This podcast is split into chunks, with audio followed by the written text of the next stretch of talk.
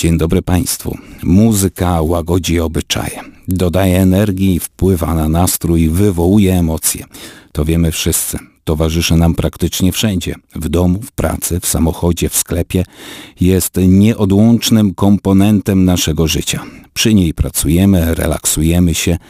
Muzyka zwykle jest bardzo silnie związana z emocjami i wspomnieniami. Ile to razy słysząc jakąś piosenkę zanurzamy się we wspomnienia. Miejsce, czas, ludzie. Wówczas nie ma nas. Jestem ja i moja muzyka. Oczywiście z muzyką niewątpliwie łączy się śpiew.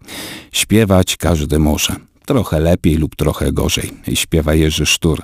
Pół biedy, kiedy robimy to w gronie rodziny, znajomych, przyjaciół, towarzyszy nam wówczas właściwa atmosfera, jest klimat, fajna zabawa.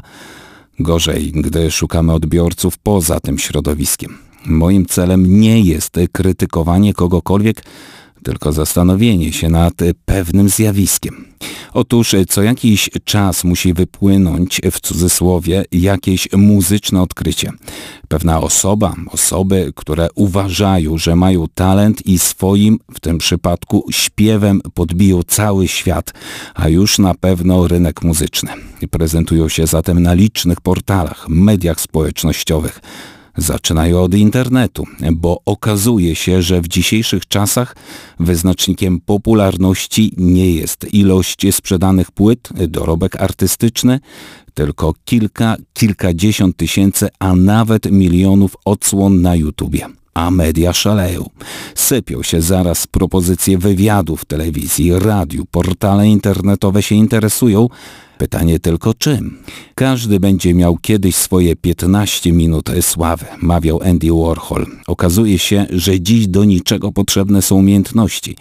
Najważniejsze jest to, jak nas postrzegają inni. Zgodnie ze starym porzekadłem, że jak cię widzą, tak cię piszą. Rozwój mediów powoduje, że w cenie jest rozpoznawalność i widowiskowość, a nie prawdziwy talent. Czy to oznacza, że wkracza nowy, wywołujący skrajne emocje rodzaj celebryty, bez talentu, bez artystycznego dorobku, za to z ogromną pewnością siebie i przysłowiowym parciem na szkło? De gustibus non est disputandum. Gust nie podlega dyskusji. O upodobaniach się nie dyskutuje. I ja to rozumiem i szanuję. Każdy słucha tego, co mu w duszy gra. Kiedyś była lepsza muzyka, lepsze zespoły. Takie uwagi można wielokrotnie usłyszeć. Dla każdego dobra muzyka oczywiście oznacza co innego. To oczywiste, że najbardziej podoba nam się to, co dobrze się kojarzy.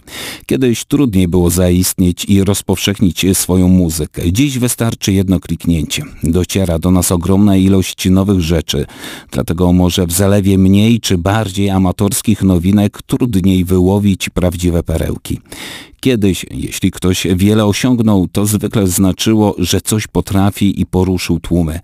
Dziś może zaistnieć ktokolwiek, bo łatwiej to zrobić. Social media w dużej mierze ułatwiają prezentowanie szerokiej publiczności swoich umiejętności wokalnych, muzycznych, artystycznych, a co za tym idzie, zwrócenie na siebie uwagi.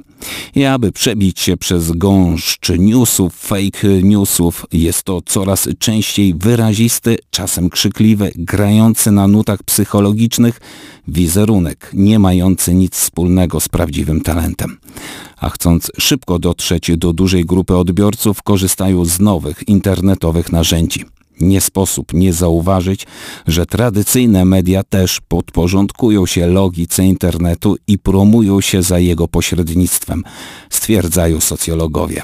A ze śpiewem tych odkryć muzycznych może jest tak, że nie o to chodzi, jak co komu wychodzi. Czasami człowiek musi, inaczej się udusi.